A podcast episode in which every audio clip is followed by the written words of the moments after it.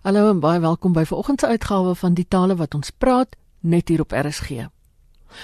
Nou as jy wonder wat die verband is tussen blikskottel, weerlig en huwelik, bly ingeskakel vir woord van die week 'n bietjie later. Maar eers vertel die hoof van die departement Afrikaans aan die Universiteit van Johannesburg, professor Marnay Pinaar, van 'n projek vir immigrante kinders in die middestad van Johannesburg. Marnay, migrante het 'n werklikheid van die dag geword. Wat maak hulle om in 'n gemeenskap aan te pas wat taal betref?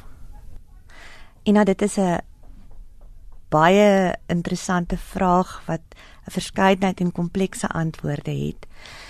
Die essensie is is dat hulle sekere talige aanpassings moet maak en dit verskil baie van hulle bepaalde situasie. 'n Mens kan byvoorbeeld sê dat in sekere situasies in Brittanje of ons kan sê Berlyn of ander Europese stede mag dit 'n situasie wees waar daar 'n genderverskil is waar die vrouens wat by die huis bly byvoorbeeld nooit werklik die doeltaal van die gemeenskap aanleer nie en waar die mans wat dan in daardie kontekste sal gaan werk meer moeite doen en meer gedwing word om die taal die doeltaal van daardie gemeenskap aan te leer. Die kinders is natuurlik in 'n ander situasie. Hulle skakel baie makliker oor en neem die nuwe doeltaal aan en hulle sal dan tipies baie vinnig tweetalig word waar hulle by die huis een bepaalde taal praat en by die skool 'n ander taal. Maar dit verskil van gemeenskap tot gemeenskap en daar's verskillende redes oor hoekom mense sou besluit om 'n doeltaal aan te leer. En dan natuurlik die interessante ding van ons groot stede en veral 'n plek soos Johannesburg is watter taal gaan jy besluit om aan te leer? En daar's 'n hele klompie redes wat mense sal aanmoedig. Een van die dinge wat ons nou al weet oor navorsing wat in Johannesburg spesifiek gedoen is deur um Rosemary Wildsmith Cromarty, het sy gesê daar sekerre faktore wat mense trek om 'n bepaalde taal aan te leer. Baie dikwels gaan dit oor ekonomiese sukses. Wat mense vir hulle self uitsorteer in Johannesburg dat as jy hier sinvol wil besigheid doen in die middestad van Johannesburg, dan moet jy waarskynlik Zulu of Engels kan gebruik. Dis natuurlik nie waar as jy in Umtata opeindig in die Oos-Kaap nie. Daar gaan isiKosa vir jou meer beteken. Of wat ons weet van 'n plek soos ehm um, Saldanha byvoorbeeld waar daar 'n Somaliese gemeenskap is wat Afrikaans aangeleer het want dit is hulle bepaalde doeltaal. So daar's redes hoekom mense dit doen. Dit gaan gewoonlik oor inskakeling in 'n breër gemeenskap, maar dan sal die bepaalde gemeenskap waarin hulle bevind ook 'n uh, impak hê op hulle besluit oor watter taal hulle besluit om aan te leer.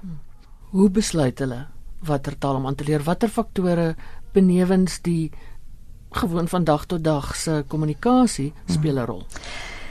Een van die goed wat vir my persoonlik baie interessant is, is dat die meeste immigrante regtig 'n behoefte het aan inskakeling in 'n gemeenskap, veral in gemeenskappe waar daar baie xenofobie is, soos wat ons dit byvoorbeeld in Suid-Afrika teen sterkste beleef.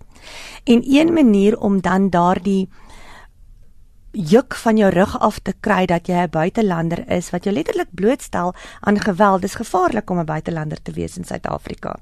Is as jy kan inskakel by daardie gemeenskap en een van die maniere om in te skakel sal dan op betalige vlak wees. So as jy met 'n persoon in daardie gemeenskap, ons praat dan nie eers van besigheid nie, doodgewoon net kan wys of ja, by daardie persoon in gesprek kan tree, dan is dit versekerlik 'n belangrike faktor want ons weet dat veral kom ons sê Suid-Afrikaners in hierdie kontekste, maar sekerlik is dit waar van Franse in Parys byvoorbeeld het bepaalde vooroordeele rondom buitelanders wat inkom. So hoe sterker die negatiewe persepsies van die gemeenskap is waar binne die immigrante hulle bevind, hoe meer voel hulle dat indien hulle die plaaslike tale aanleer, hoe makliker gaan hulle verby daardie stereotipering kom. Hmm. Jy is betrokke by 'n skool in die middestad waar jy Afrikaans leer. Ja. vir die kinders. Hoekom op aarde Afrikaans?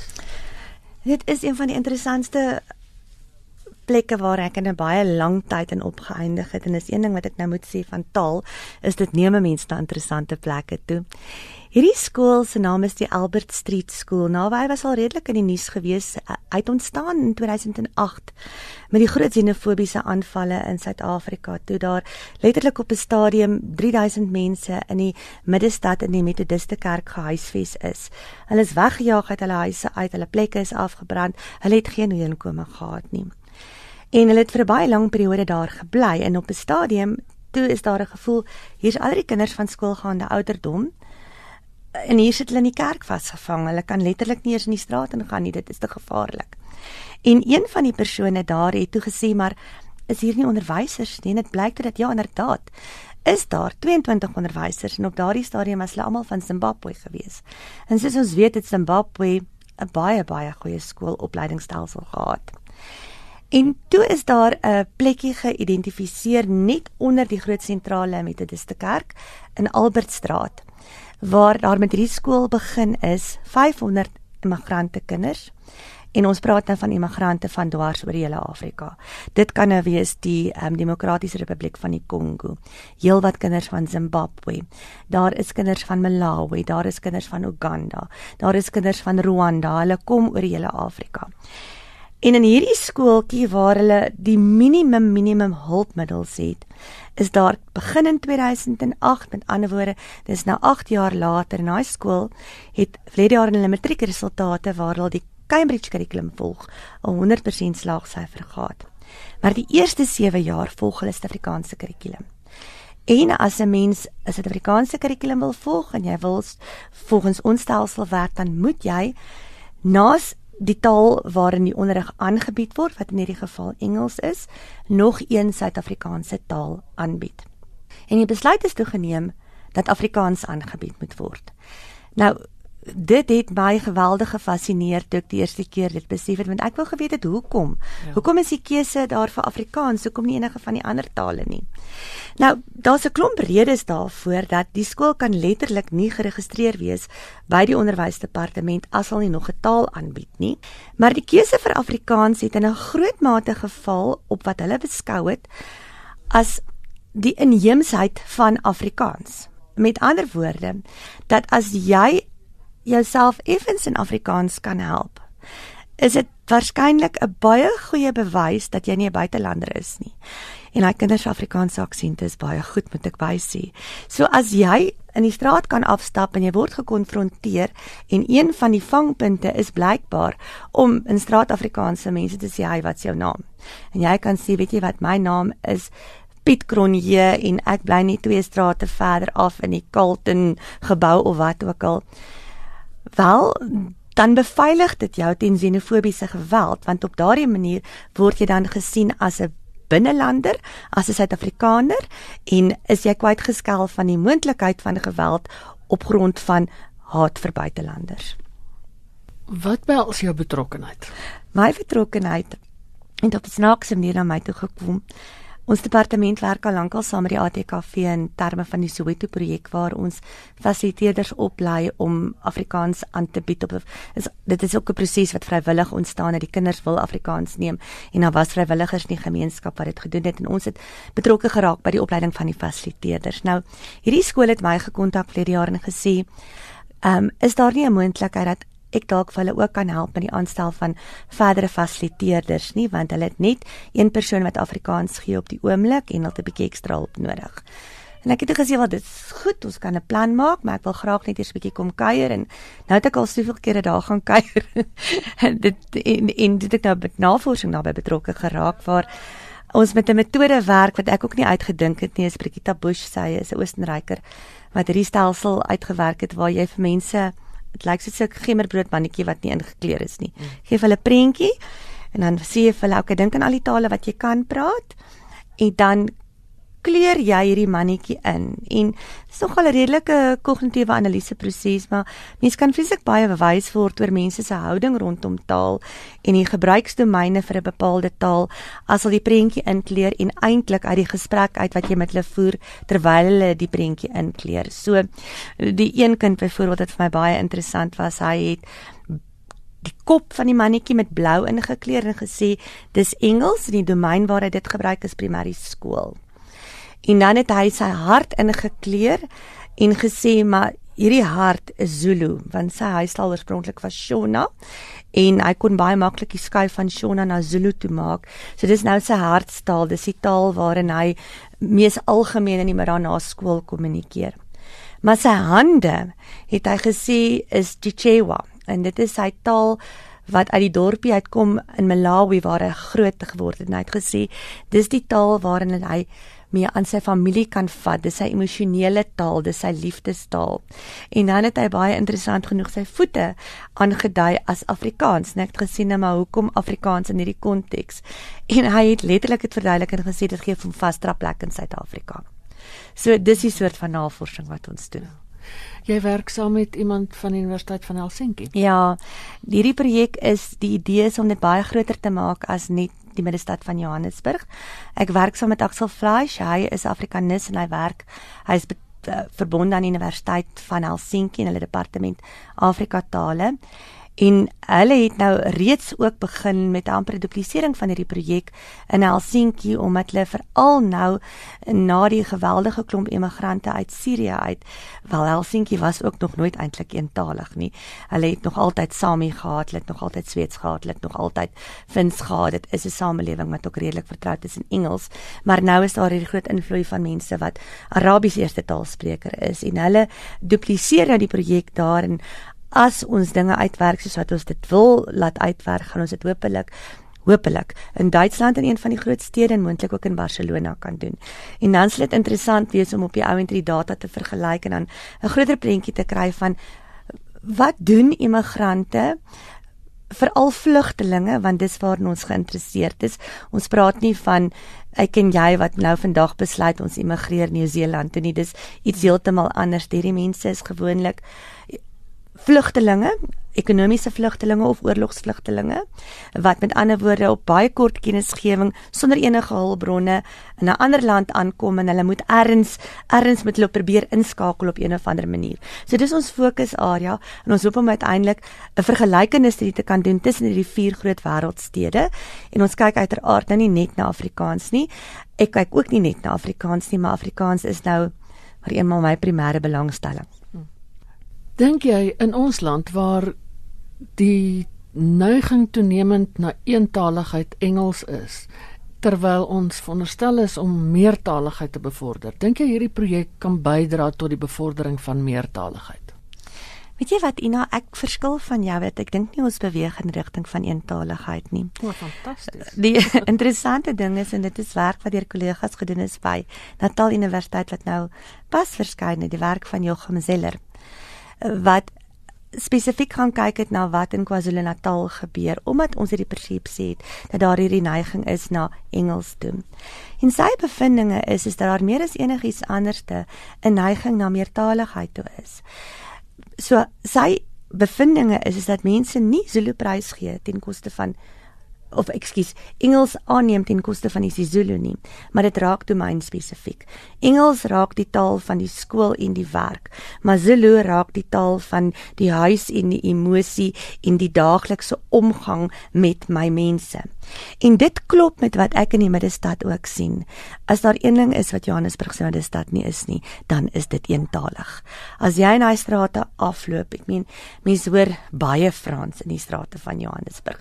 Jy hoor die hele spektrum van Afrika tale in Johannesburg. Jy hoor Nama, jy hoor Damara. Jy hoor um Swahili op 'n baie algemene basis. So ek dink nie ons is naaste by besig om in die rigting te beweeg van eentaligheid nie. Ek dink wat gebeur is word ons word toenemend meertalig. Daar is omtrent nie meer mense behalwe miskien sewe Engels sprekendes wat Engels gebore is wat dit kan regkry om met een taal in hierdie land te funksioneer nie. Ons is almal meertalig en hierdie meertaligheid brei net die hele tyd uit. Dit word dalk nie geïnstitusionaliseer nie. Ons wetgewing word dalk nie toegepas nie, maar op grondvlak om te oorleef in hierdie land kan ek nie een hele dag lank net met een taal oor die weg kom. Miskien met Engels nie, maar daar nou is 'n klein groepie moedertaalspreker van Engels. Die res van ons gebruik Engels vir sy gebruiksfunksies en ons ander tale in ander kontekste waar dit sinvol is. Watter implikasies het wat jy nou net gesê het vir die hoër en laer funksies van Afrikaans spesifiek? Laer funksies geen probleem hoe genaamd nie. En ek dink nie enigiemand is daaroor bekommerd nie. Die Afrikaanse aantal sprekers groei as ons na die laaste sensusopnames gaan kyk. So die laer funksies, dit gaan fantasties op die laer funksie vlak. Die hoër funksies is waar die probleem lê en dit weet ons.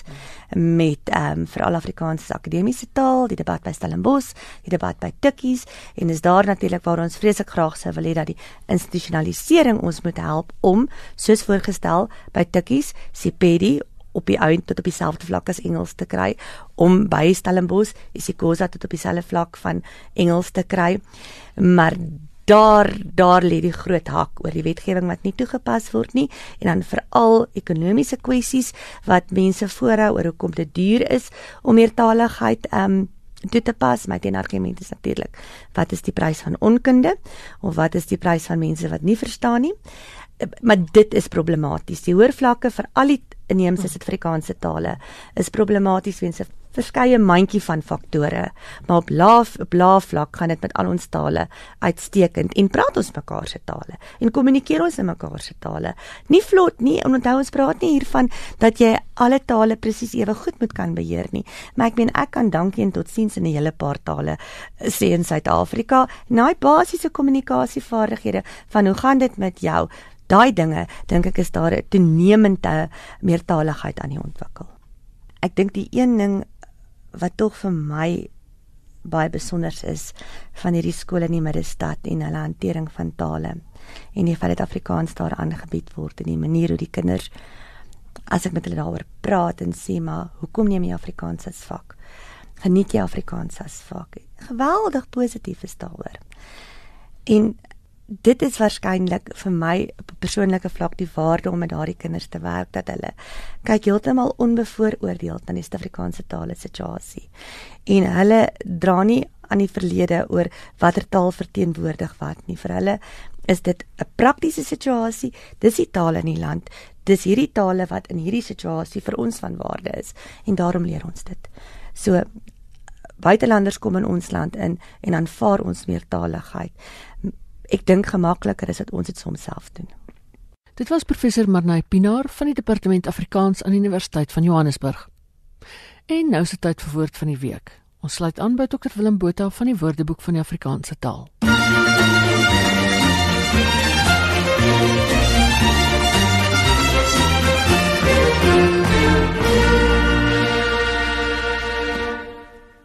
Vanoggend praat ons oor die verband tussen die woorde blikskottel, weerlig en die huwelik. Nou, 'n blikskottel is of 'n skottel van blik of dis 'n fabond, 'n niks nuts. En blikskottel is waarskynlik na die voorbeeld van blikskater gevorm as 'n eufemisme vir daai ander woord wat ons gebruik vir 'n weerligstraal, naamlik 'n bliksem. Nou, die die blikskater wat dieselfde betekenis het, naby die van 'n fabond of 'n niks nuts, ehm um, so word waarmee jy iemand sleg sê of iemand verwens is dan nou 'n uh, eufemistiese of 'n versagtende vervorming van bliksem ehm uh, die Nederlands wat wat afgelei is van blik ehm um, wat glans of lig beteken ek sal later meer daaroor sê.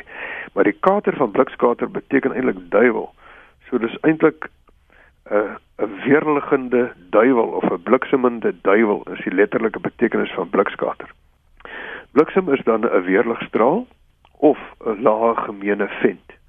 En soos ek reeds gesê het, daai die blik gedeelte van die woord kom van glans. So dit is hoe die woord in gebruik gekom het omdat dit dit benoem daardie glans van 'n weerligstraal.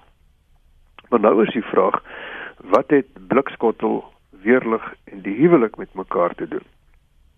Nou weerlig, eh, weet ons, is die elektriese ontlading tussen wolke en die wolke en die grond gepaard gaan met 'n ligflits en 'n donderende knal.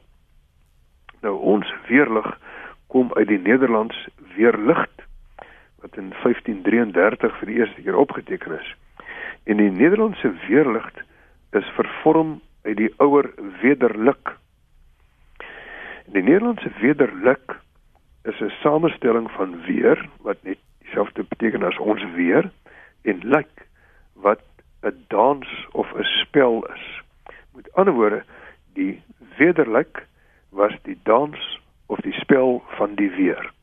En daai lyk van wederlyk is verwar met lig omdat ehm um, die elektriese ligflitsse wat saam met die donderstorms uh, gepaard gaan 'n geweldige ontploffing van lig is. En so dit begin verwar met lig en toe word dit weer lig en dit word toe in Afrikaans weer lig. Maar is eintlik wederlyk en dis dan nou die spel van lig of die dans van die lig. Nou hoe hou dit verband met huwelik?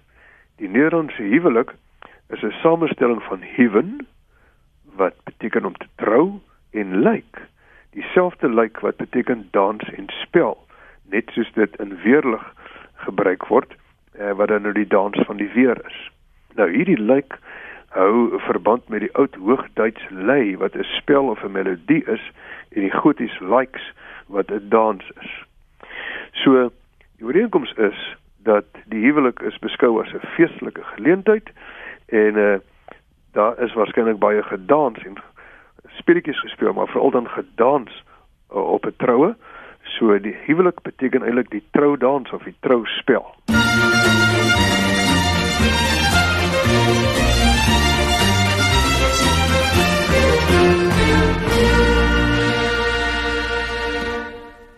Dit was Dr Willem Botha van die Woordeboek van die Afrikaanse taal. Nou die afgelope week het die soektog na die gewildste woord en einde geloop en lekker is aangewys as die woord wat die meeste mense as hulle gunsteling woord bestempel. Die kompetisiewenners is donderdagoggend in oggend op RSG bekend gemaak. Dis dan al vir vandag. Maak gerus 'n draai op die nuwe webwerf afrikaans.com en geniet die res van die dag in RSG se geselskap. Van my Ina Strydom groete tot 'n volgende keer.